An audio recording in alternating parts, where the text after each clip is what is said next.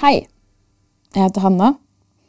Er ei jente i 20-åra, født og oppvokst i Norges hovedstad, mer spesifikt bydel Bjerke og Grünerløkka.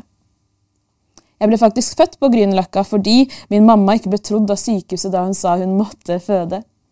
Deres dokumenter sa jo tydelig fram at jeg ikke skulle komme før den 16., og dagen i dag var bare den 14., og denne afrikanske kvinnens stemme veide mindre enn deres ark, så de sendte henne på dør. Og istedenfor på Aker ble jeg født på Løkka, rett utafor blokka der familien min bodde før. Før fancy burgersjapper og overprisa cocktailsteder.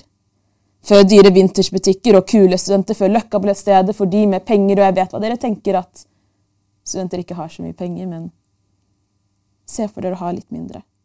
Det var det vi hadde, men det gikk greit, for vi, vi hadde en annen type rikdom. Vi, vi hadde babar med grønnsakssjapper som ga oss gratis saftposer. Vi, vi hadde bestemødre med bunnløse twistposer. Vi, vi hadde et hjem i hver eneste etasje fordi vi var hele bygdas unger. Og vi, vi bodde i en leilighet. I én av tre blokker med 155 leiligheter. Alle kommunale og bygget på 30-tallet for Oslos arbeiderklasse. Noen etasjer under oss bodde nabojenta Anine. Vi var som regel ute og lekte hver dag. Sto på rollerblades eller skreip og sklia ved sandkassa, hoppet strikk. Og En dag så stakk Anine seg på sprøytespissen som den ene naboen hadde glemt henne i sanden, fordi på Sandegata 32 bodde ikke bare vi, men også de som livet hadde gjort slitne, og en av de bodde i øverste etasje, enten i eller ved siden av loftet. Vi prøvde oss på noe detektivarbeid, men fant aldri helt ut av det.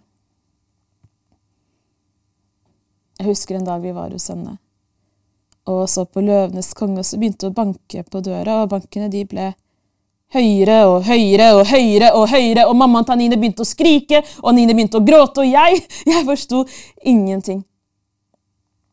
Hun sa det var pappaen som ville komme inn. Han sa aldri fra når han kom på besøk.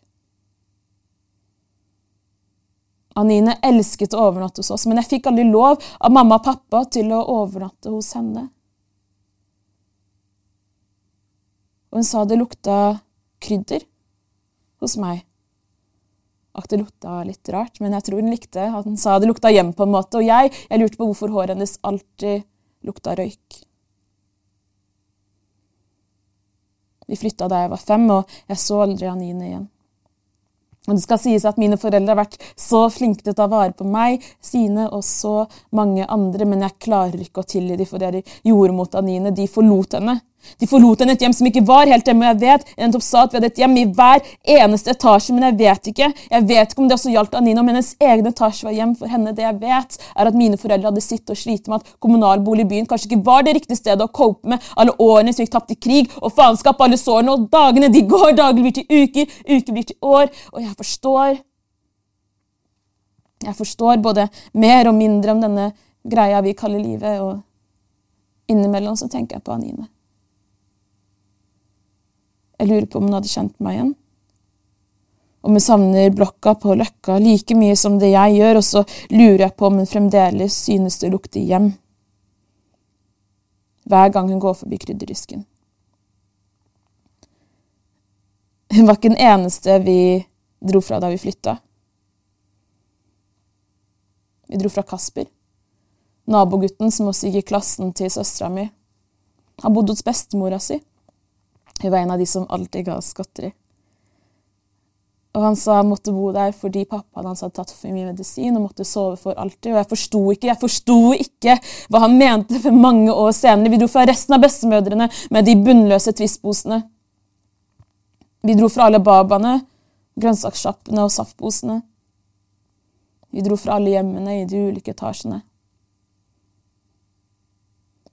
Og noen år etter at vi flytta, ble hele blokka pluss de andre to, altså de tre, som til sammen ble Sandterrassen, de med 155 leiligheter bygget av Oslo kommune for byens arbeiderklasse, alle ble solgt.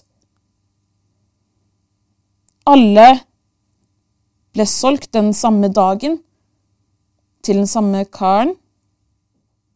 Alle 155 leiligheter ble solgt til Fredensborg eiendom. Og nei, det å døpe det om til heimstaden, det gjør ikke noe hyggeligere.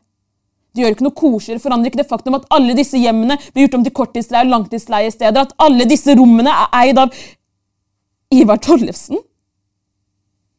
Og nei, jeg kjenner ikke Ivar. Det kan godt hende han er en hyggelig kar, men jeg syns ikke det var så hyggelig av han å pusse opp minimalt for å leie ut maksimalt og bytte ut mine venner mot de med litt mer penger og stjele mitt første hjem. For det fins ingen naboer her lenger. Det fins ingen naboer lenger. Det fins ingen naboer lenger. Det fins ingen naboer lenger. Det eneste, det eneste som er igjen etter oss, det er en gjengrodd sandkasse ved siden av en rusten sklie.